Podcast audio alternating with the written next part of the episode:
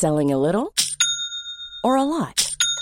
Shopify helps you do your thing however you cha-ching. Shopify is the global commerce platform that helps you sell at every stage of your business. From the launch your online shop stage to the first real life store stage, all the way to the did we just hit a million orders stage. Shopify is there to help you grow. Shopify helps you turn browsers into buyers with the internet's best converting checkout. 36% better on average compared to other leading commerce platforms because businesses that grow grow with Shopify. Get a $1 per month trial period at shopify.com/work. shopify.com/work.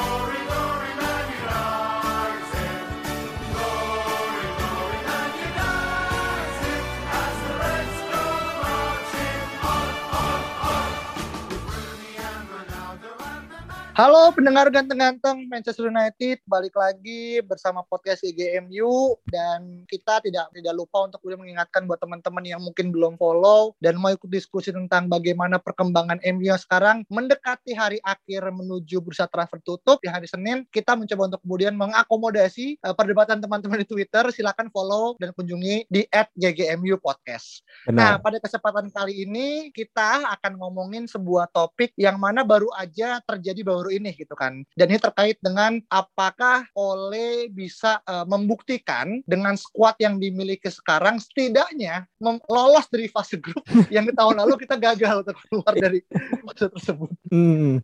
ini, ini anomali ya gitu kan. Sekelas MU tahun lalu kita gagal masuk ke apa ke 16 besar padahal udah secara jumawa kan ngalahin PSG di tandang, ngalahin 4-1 Leipzig tandang gitu kan. Eh tiba-tiba kemudian kemudian uh, meletot di part pertandingan akhir gitu kan. Yeah. Dan kita pengen membahas dengan grup yang kemudian sekarang kita di grup D dengan uh, lawan-lawan yang nanti akan kita bahas, apakah Challenge United tuh kemudian masuk ke 16 besar terbuka atau enggak gitu kan. Nah, gue nanya nih, Vin, gimana lu kemudian ngelihat plottingan MU yang kemudian seolah-olah ya ini emang kadang gue rasa ini settingan sih kadang kita bisa satu grup lagi sama Oh, ya, Allah. Hmm, iya. Uh, lu lihat Vin? Gue sebenarnya kemarin kan sempat live IG ya pas uh, driving UC hmm. bareng teman kita juga Agi dan di situ gue sempat memprediksi bahwa MU ini bakal bukan memprediksi ya, tapi kayak gue pingin bahwa MU ini segrup dengan Villarreal dan Atalanta gitu. Cuma emang karena nggak ada buktinya, jadi gue nggak bisa membuktikan gitu. Dan ternyata itu terjadi men gitu. Literally Villarreal ini, okay.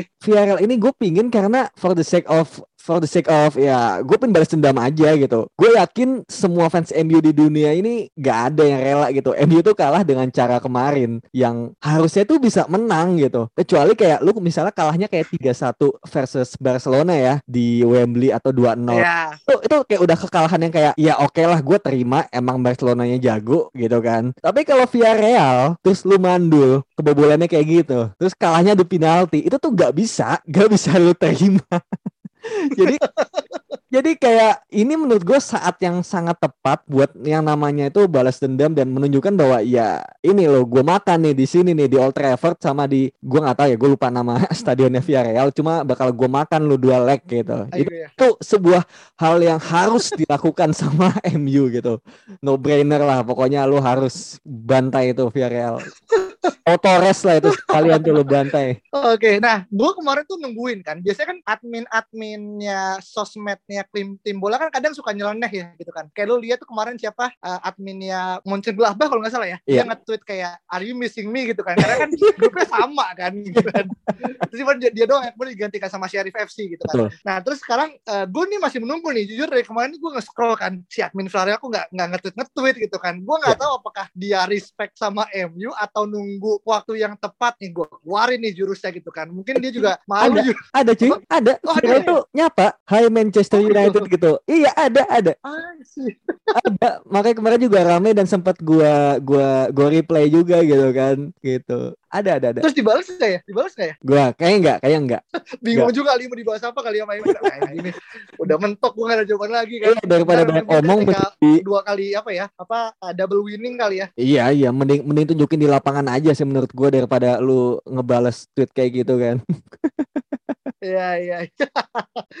Oke oke. Nah ini kan nggak cuma Villarreal ya gitu kan ya. Mungkin kita punya dendam personal lah semua fans MU. Gue yakin nggak akan ada yang bisa ngelupain kekalahan uh, di final yang De Gea sebagai scapegoatnya gitu kan. Yang mana sebenarnya bukan salah dia juga 100% gitu kan. Tapi seolah-olah dia sebagai apa ya main villain lah saat yeah, itu yeah. gitu kan. Dan kemudian mungkin buat De Gea pertandingan yang paling ditakutin adalah ketika kita main di Old Trafford lawan dia juga ketika di sana gitu kan. Karena itu akan mengembalikan memori buruk gitu kan buat seorang pemain gitu kan. Nah terkait dengan Atalanta dan juga Young Boys gitu kan. Um, gue bingung antara milih siapa yang harus kita bahas. Tapi let's dari Atalanta dulu deh sesuai dengan plotnya ya. Hmm. Apa yang lo bisa lihat dari uh, Atalanta di musim ini? Apakah kita bisa berharap Atalanta uh, balik ke dua musim lalu atau musim lalu yang dia kemudian bisa nahan Seri Madrid kalau nggak salah ya yang pas di satu grup apa yang kemudian bisa lo harapin dari seorang Atalanta di musim ini Vin? uh, Atalanta ini agak tricky sih sebenarnya. Jadi uh, satu hal yang menyebabkan gue ingin Atalanta satu grup dengan MU adalah gue tuh ngeliat Atalanta main tuh mirip Leeds United sebenarnya. Dan lu tahu apa yang okay. terjadi dengan Leeds United musim ini dan musim hmm. lalu gitu sih. Hmm.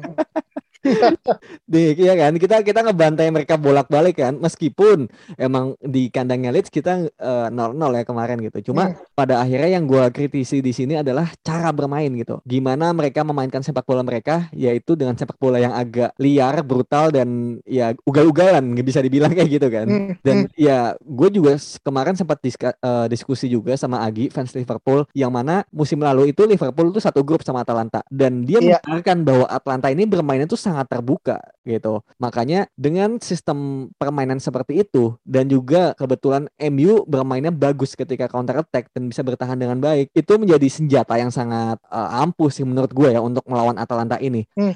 Tapi tapi memang catatannya adalah ya berarti pertahanan MU benar-benar harus kokoh, jangan sampai ada yang cedera dan juga once counter attack ya itu harus benar-benar gol gitu. Hmm, I see, I see. Dan memang uh, dari ketiga tim ini emang tiga-tiga punya bisa dibilang cara bermainnya sangat mix ya. Misalnya lu bilang Atalanta yang kemudian terbuka, Villarreal yang kita tahu bagaimana dia cukup uh, rapi dalam defense yeah. dan mengandal apa mengandalkan counter attack ini menjadi salah satu pertandingan yang cukup tricky at least dari Villarreal dan juga Atalanta gitu kan. Yang di mana mungkin kita akan lihat uh, eh, Vergi lagi aja siapa Soldier akan uh, menggunakan ramuan taktik yang berbeda so who knows gitu kan. Karena kan kita juga dijanjikan uh, akan coba main pakai satu DM yang mana itu lebih cocok untuk melawan tim-tim sekelas Villarreal gitu kan. So let's see. Tapi gue tadi hampir mikir ketika kita lawan Atalanta it's time for Amat Diallo cuy. Iya kan? Iya iya, iya. Tiari karena gue inget banget ya satu hal yang kemudian Amat Diallo kan tuh kan uh, uh, kalau nggak salah dia sempat dipinjemin kan kurang lebih uh, berapa enam bulan ya atau berapa gitu kan. Hmm. yang mana jamnya itu nggak dikasih sama apa apa Gasperini gitu loh. Gue ngerasa kayak lu ngapain? Maksudnya gue belikan gue saat itu ambil ambil gitu yeah. kan. Untuk kemudian eh, lu sih bisa main di reserve bisa settle down dengan budaya Inggris tapi ujungnya sama Gasparini nggak dikasih jam terbangnya gitu kan dan menurut gue kalau misalkan epic ketika Amat Diallo bisa nyetak gol di kandang Atalanta itu menurut gue salah satu hal yang mungkin Aigazem juga ya memang kita bisa comeback dengan di Villarreal jadi menurut gue yeah. goalsnya dua satu Villarreal kita babat habis di home away sama Am Amat Diallo masterclass di di away lawan, lawan Atalanta menurut gue itu salah satu hal yang kemudian cukup menarik sih hmm. dari sudut pandang gue ya yeah, yeah, yeah, dengan yeah. Atalanta hmm. gitu kan uh, meskipun dan, meskipun mungkin gue uh, statement gue selanjutnya akan sedikit mematahkan ambisi lu ya karena apa tuh? Iya seperti yang kita tahu kayaknya Amatielo ini bakal di loan ya. Oh iya sih. Iya kan? Itu dia makanya. Padahal hmm. di baru aja buat statement kalau kalau dia dapat nomor 16 kan. Betul. Kalau dia ngerasa kayak sama kayak Michael Carrick segala macam gitu kan. Tapi kalau memang harus di loan iya kan yang dapat uh, apa dapat counter statement dari apa sebenarnya pendukungnya siapa Roy Keane kan kalau dianggap mengecampingkan Roy Keane tapi malah mengedepankan Michael Carrick gitu kan. Tapi iya, itu iya. itu bahasa yang berbeda. Nah, ini kita balik ke satu lagi yang mana uh, Young Boys, di mana kita pernah ketemu uh, Young Boys tuh pas zamannya Mourinho kalau gua nggak salah gitu kan. Mm. Yang mana di sini dalam catatan gua, Pogba tuh pernah nyetak gol lewat penalti dan juga Anthony Martial uh, yeah. apa namanya nyetak gol gitu kan. Mm. Nah, uh, kita ketemu lagi uh, di uh, season ini. Apa yang lu bisa petik dari pengalaman uh, lawan Young Boys sekitar empat tahun lalu ya, tiga tahun lalu mm. dan dibandingkan sekarang, Vin? Iya, eh, gue gue sebenarnya nggak terlalu memperhatikan Young Boys ini ya gitu. Cuma satu hal yang menjadi catatan adalah Young Boys ini adalah um, juara Liga Swiss tahun lalu. Dan kalau misalnya tadi barusan gue sempat ngeliat ini ya statistik kayak penguasaan bola gitu. Ya dia tim yang sangat menyerang gitu loh. Mungkin hmm. karena um, gap yang jauh juga ya dengan tim-tim lainnya gitu. Karena nggak banyak tim Swiss yang bagus. Cuma yang Boys Basel yang gue tahu gitu kan. Dan hmm. ya sesimpel gue mikirnya kalau tim Mourinho yang di musim ketiga itu bisa menang gitu kan back to back 3-0 dan 1-0 gitu. Iya dengan tim Ole sekarang harusnya bisa gitu cuma cuma satu kenangan yang gue ingat gitu. Gue gue nggak tahu lo inget atau enggak itu uh. di pertandingan Old Trafford ya MU lawan Young Boys di zaman Mourinho itu. Itu kita sampai mengandalkan Marwan ini di menit ke 91 untuk mencetak gol kemenangan. Yang kalau lo inget juga itu setelah ini golin itu Mourinho tuh ngelempar botol minum keranjang botol minum itu. Oh iya iya. itu kayak paham. dari tadi iya. ini gitu dan itu tuh jadi memang masalahnya cuy di Twitter. Jadi ramai banget. Maksudnya itu kan kalau kalian apa yang dilakuin sama ini kan gak itu emang cukup ikonik kan kayak Van Gaal kemudian tiba-tiba jatuh Mourinho yang kemudian yeah. lempar ini kan jadi mem dan gue berusaha ngeliat banget nih apa yang tadi disampaikan. Iya iya iya benar-benar itu itu itu mungkin kalau misalnya bisa flashback uh, satu dua kenangan yang uh, di kepala gue ya tentang yang bos ya itu gitu. Momen bersama hmm. Mourinho ya dan juga sebenarnya menarik ini ada agak jokes ya. Jadi gue malah di Twitter kalau nggak siapa yang ngetweet ya kayak how to beat young boys adalah dengan cara menaruh Marcus Rashford yang bawa banyak makanan. Karena kan itu dengan young boys kan anak-anak gitu kan. Ya mana ya itu kerjanya Rashford lah yang akhirnya feeding makanan gitu anjing emang si kok si masuk emang iya. cara poinnya. Jadi tiga tim nih kita punya tiga gede berbeda-beda gitu kan. Yang satu pembalasan dendam yang satu oh, buat ini ya buat MU di final yang kalah. Yang satu lebih kepada pembuktian amat. Yang satu cara untuk udah kemudian kita memberikan kebebasan buat Rashford memainkan perannya sebagai sebuah seorang pahlawan buat anak-anak gitu loh Bin iya iya iya.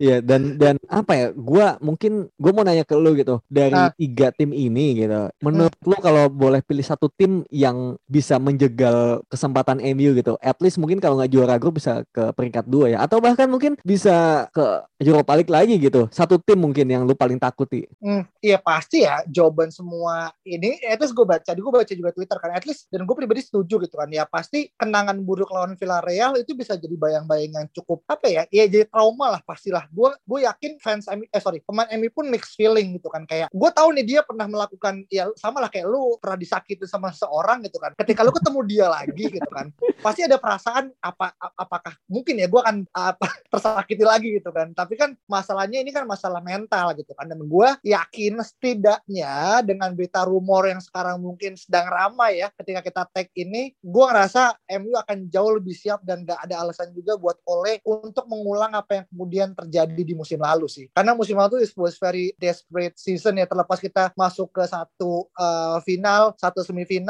tapi menurut gue it's not enough lah. Dan semua orang tahu bagaimana kemudian kita yang udah di high hopes tiba-tiba di, di diterjun bebaskan. Dan gue inget tuh pas di grup kita bertiga ya yang hmm. DG yang nggak masuk gue kan gak delay ya. Yeah. terus kayak iya juara gitu kan. Terus bilang bro eh taunya gak masuk anjing. Gue bilang ya Alvin yang pinter banget dalam ngebuat apa namanya cywar di grup kita bertiga. Karena gue delay Vin saya itu Vin. Oh. gue tuh delay. Gue gak tau tuh pas DG yang nggak masuk gue belum dia belum belum tendang gitu loh. Hmm. dan lo bilang juara gue kira beneran juara. Kan gue bilang Alvin emang bangsat emang bisa aja sih ternyata yang juara via real gitu ya maksudnya. Iya anjir anjir sampah sampah. Iya iya iya dan kayak gue somehow setuju juga gitu karena balik lagi gitu gue sempat um, membuat tweet juga kemarin di akun GMU bahwa melihat tim-tim ini di atas kertas ini sebenarnya adalah grup yang mudah. Grup yeah. yang sebenarnya lu cuma ngelihat aja dan lu bisa memprediksi bahwa seharusnya dengan kualitas pemain yang ada di Man United sekarang itu lu bisa melenggang dengan mulus gitu. At least hmm. poin pertama lah lu harusnya bisa dapat gitu. Cuma hmm. balik lagi, yang bikin MU kalah atau nggak lolos itu kan adalah kesalahan mereka sendiri, hmm. gitu kan? Kalau kita ingat um, di musim lalu pas kalah lawan Istanbul Basaksehir ya, hmm. Hmm. betapa uh, disasternya defense kita yang ketika diserang balik tuh bahkan Wan bisa aja maju banget gitu. Jadi Dembaba itu tinggal lari depan Dean Henderson terus dia uh, square gitu dan pemainnya tinggal shooting aja gitu. Itu mm -hmm. defense yang sangat apa ya? Konyol lah bisa dibilang mm. gitu. Kok bisa-bisanya lu kayak gitu. di saat masih 0-0 gitu loh. Itu itu nggak make sense gitu. Kemudian pada akhirnya uh, di match keempat oke okay, dibaleskan. Di match kelima yang lawan PSG itu kan lu cuma butuh imbang satu yeah. seri gitu kan di kandangnya. Sebenarnya di atas kertas ya oke okay lah PSG emang susah. Cuma kan lu cuma imbang mah bisa kali gitu kan. Dan hmm. seperti yang kita ingat juga Anthony Martial tendangan depan gawang itu nggak masuk, ya kan? Iya. Tuh, iya. Cavani kena tiang. Ketiga Fred kartu merah karena mismanagement yang dilakukan oleh Ole yang harusnya mungkin yeah. ganti gitu. Karena uh, banyak orang uh. lihat bahwa ini Fred harusnya diganti karena hitnya ini udah tinggi banget, udah panas Fred ini udah udah agak terprovokasi gitu. Jadi terkadang kita tuh bisa ngeliat ini orang udah kartu kuning karena terprovokasi, lu segera tarik dia gitu. Bukan karena apa ya, tapi hmm. ini orang berpotensi gitu karena lu kalau udah di lapangan kadang-kadang uh, apa ya atmosfer panas itu lu nggak bisa terhindar dari itu gitu. Kemudian di pertandingan terakhir lawan Leipzig, iya. ya Oleh membuat perjudian juga dengan memasang formasi 3-5-2 dan iya kita kalah 3-0 atau 2-0 ya dalam satu babak gitu. Itu itu kesalahan sendiri menurut gue yang ya lu kalau melakukan itu lagi ya sangat mungkin lu terjadi hmm. kalah lawan Atalanta, lawan Villarreal lu kalah lagi atau seri gitu dan pas gongnya lawan Young Boys gitu mungkin mereka bakal um, low block ya lu mungkin bisa kena counter attack gitu. Jadi menurut gue ini kesalahan-kesalahan hmm. sendiri dan ketakutan itulah yang membuat MU bisa kalah. Hmm, iya iya iya. Karena ya balik lagi, apalagi dengan squad sekarang ya, nggak ada alasan kemudian oleh tidak bisa bilang kayak we are not performing gitu kan. Karena menurut gue, lu punya alasan apa lagi gitu kan. Apalagi kita masih punya bursa transfer sampai hari Senin kan, yang mana bakal mungkin ada akan ada satu dua kejutan yang mana we are, apa kita fans MU pasti berharap gitu kan ada sebuah kejutan yang menambah dari uh, squad depth, tapi pasti yang kedua starting eleven gitu kan. Yang mana gue ngerasa hal ini bisa direduksi ketika oleh emang bener-bener belajar dari kesalahan di masa lalu gitu kan.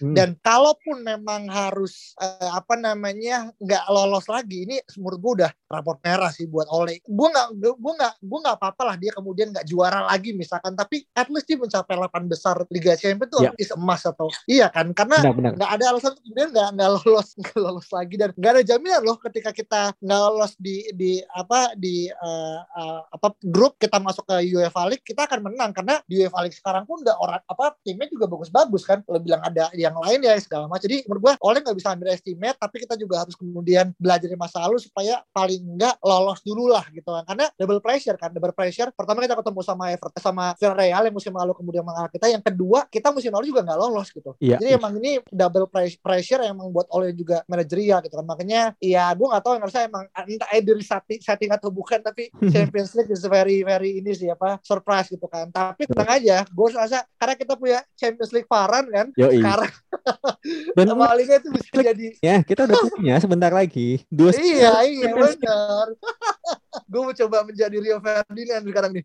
Dengan apa senyum-senyum sendiri kan di depan kamera gitu kan. tapi ya itu bahasan beda ya tapi kita fokus ke sini gitu kan. Nah mungkin ini Vin uh, terakhir berapa sih ekspektasi points yang lu bisa uh, takar dari uh, apa namanya grup D ini gitu kan? Mengingat mm. -hmm. ada orang bilang ya gampang lah 18 poin tuh bisa gitu kan. Ya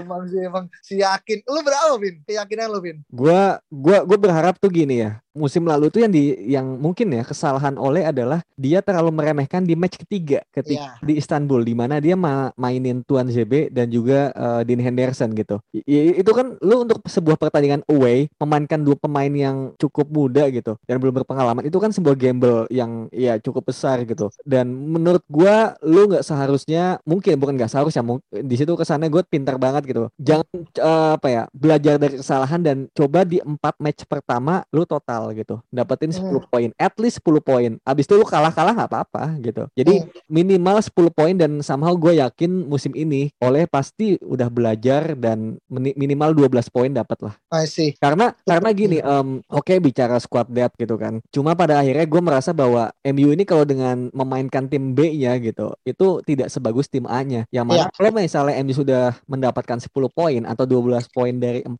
match pertama gue somehow yakin dua match setelahnya itu akan dilepas karena yeah. mengingat jadwal kita yang sangat padat dan mm -hmm. mungkin ada potensi pemain cedera itu itu sangat mungkin untuk dilakukan rotasi dan gue nggak akan heran kalau pada akhirnya jadi seri atau kalah that's why mm -hmm. gue merasa 12 poin atau 10 poin itu udah cukup gitu mm -hmm. I see. Iya iya iya. Make sense karena karena baik lagi ya. Kita pun sebagai fans MU pengen berharapnya 18 poin sapu bersih gitu kan. Ya, siapa sih yang nggak mau kemudian timnya tampil dengan gagah gitu kan sehingga menimbulkan efek cywar bahwasanya oh ada loh tapi ya MU kemudian berhasil 18 poin gitu kan itu bisa kemudian jadi cywar gitu kan. Apalagi kan di bola kan kadang hal-hal di luar konteks lapangan kan bisa terjadi gitu. Iya. Tapi baik lagi gitu kan. Realistis kita sebagai seorang fans itu harus tahu bagaimana kemudian iya MU punya jadwal yang padat gitu kan. At least kita punya empat ya, empat empat empat apa empat cup kan sorry empat sempat silverware lah yang kemudian sedang kita pertaruhkan gitu kan Ya, sedang dia maksudnya tiga satu di luar gitu kan yang mana kalau emang oleh nggak pintar dalam kemudian meramu taktik dan juga memilih pemain yang tepat ya ya istilah kemudian kita ngejar semuanya ujung-ujungnya ya nggak akan kena juga gitu jadi memang Hmm. benar-benar eh, empat pertandingan di awal is key gitu kan Betul. 10 minimal 12 adalah yang kita harapkan tapi setelah itu we can focus on the liga gitu kan karena menurut Yes. gua Liga Inggris sekarang lebih makin ketat gitu kan banyak bintang kemudian datang so uh, preparation harus jauh lebih ini sih jauh lebih complicated buat oleh sih di Iya, Liga Champions sekarang. Setuju, setuju. Karena dan dan apa ya eh, kemarin kan kita juga udah lihat drawing eh, Carabao Cup ya dan kita ketemu tim yang lagi eh, on Ah, fire iya ya kan OSH iya. Dan lagi-lagi Man City dapat tim yang corok gitu kan. Gue nggak tahu siapa yang dia lawan. Jadi kayaknya memang memang Carabao ini ya is for Man City always gitu. Jadi cuma kan balik lagi kita mengincar silverware gitu yang Iya, gue iya. sebenarnya berharap Carabao lah gitu yang lu bisa klaim itu lebih cepat gitu kan karena iya iya di sis- eh, apa second half season itu lebih sulit biasanya ya dibandingkan Iya. first half season gitu. Jadi kalau lu bisa klaim itu di first half season ya kenapa enggak gitu dan itu paling Iya. mudah Carabao. Jadi di Hmm. sini benar-benar yang lu bilang tadi benar gitu. Oleh harus pintar memainkan kartunya dan meramu skuadnya yang mana jadwal tuh padat dan juga jangan lupa Cavani ini ada isu gitu kan. Gua nggak tahu lu lu udah baca atau iya belum. iya tahu tahu tahu Udah tahu kan ya mungkin buat pendengar yang belum baca bahwa Cavani ini sebenarnya nggak diperbolehkan untuk keluar ke negara yang zona merah gitu kan karena Hmm. perkara kuarantin gitu cuma dia dan Uruguay ternyata tetap ingin bermain gitu jadi bisa dibilang Cavani ini melang ingin melanggar peraturan Premier League gitu itu Iya. kalau nanti dia akhirnya main dengan Uruguay terus kembali ke Inggris dan lu harus kuarantin 10 hari gitu terus lu Iya. kapan mainnya men gitu kan lu Mhm. lu kuarantin latihan dapetin fitness matchnya nggak lama lu international break lagi. Ya udah lu main buat Uruguay aja ngapain balik kalau kayak gitu kan iya iya iya iya benar benar. Iya banyak faktor lah ya yang akhirnya benar. uh, menjadi uh, bisa jadi semacam kayak apa ya ya faktor pembeda lah dan harapannya oleh jauh lebih cerdas dan ngomongin masalah kartu gitu kan. Ini sebagai teaser juga mungkin ini akan menjadi salah satu sneak peek juga akan ada something is coming gitu kan. Meskipun kita masih menunggu Iya. tapi pada episode ini harapan teman-teman kemudian bisa sama-sama berharap uh, MU bisa sealing the points. Uh, ya, ya semoga juara satu ya supaya jauh lebih mudah gitu kan karena nggak ketemu juara grup gitu kan. Dan terkait dengan performance harapannya ya tidak ada lagi kemudian uh, pertandingan semacam lawan Southampton ya. Itu menurut gua udah bener-bener off sih kalau aduh nih udah main gak bener gitu kan. Hasilnya juga ini apalagi kemarin mengingat kayak banyak unlucky juga kita kan. Iya. ya sundulan Martial yang muda ini dan Pogba yang udah kena segala macam. Jadi Hmm. harapannya itu bad luck sekali aja. Dan itu aja pembahasan kita pada kesempatan kali ini. Stay tune. Dan juga eh, teman-teman kalau yang tadi baik lagi yang belum follow silahkan follow Gaming Podcast dan sampai jumpa pada pertemuan berikutnya dadah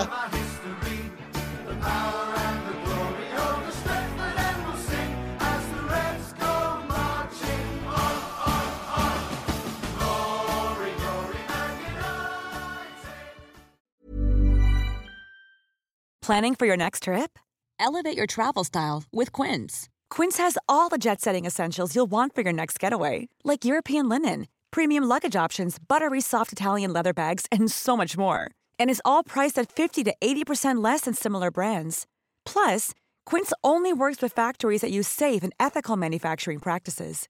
Pack your bags with high-quality essentials you'll be wearing for vacations to come with Quince. Go to quince.com slash pack for free shipping and 365-day returns.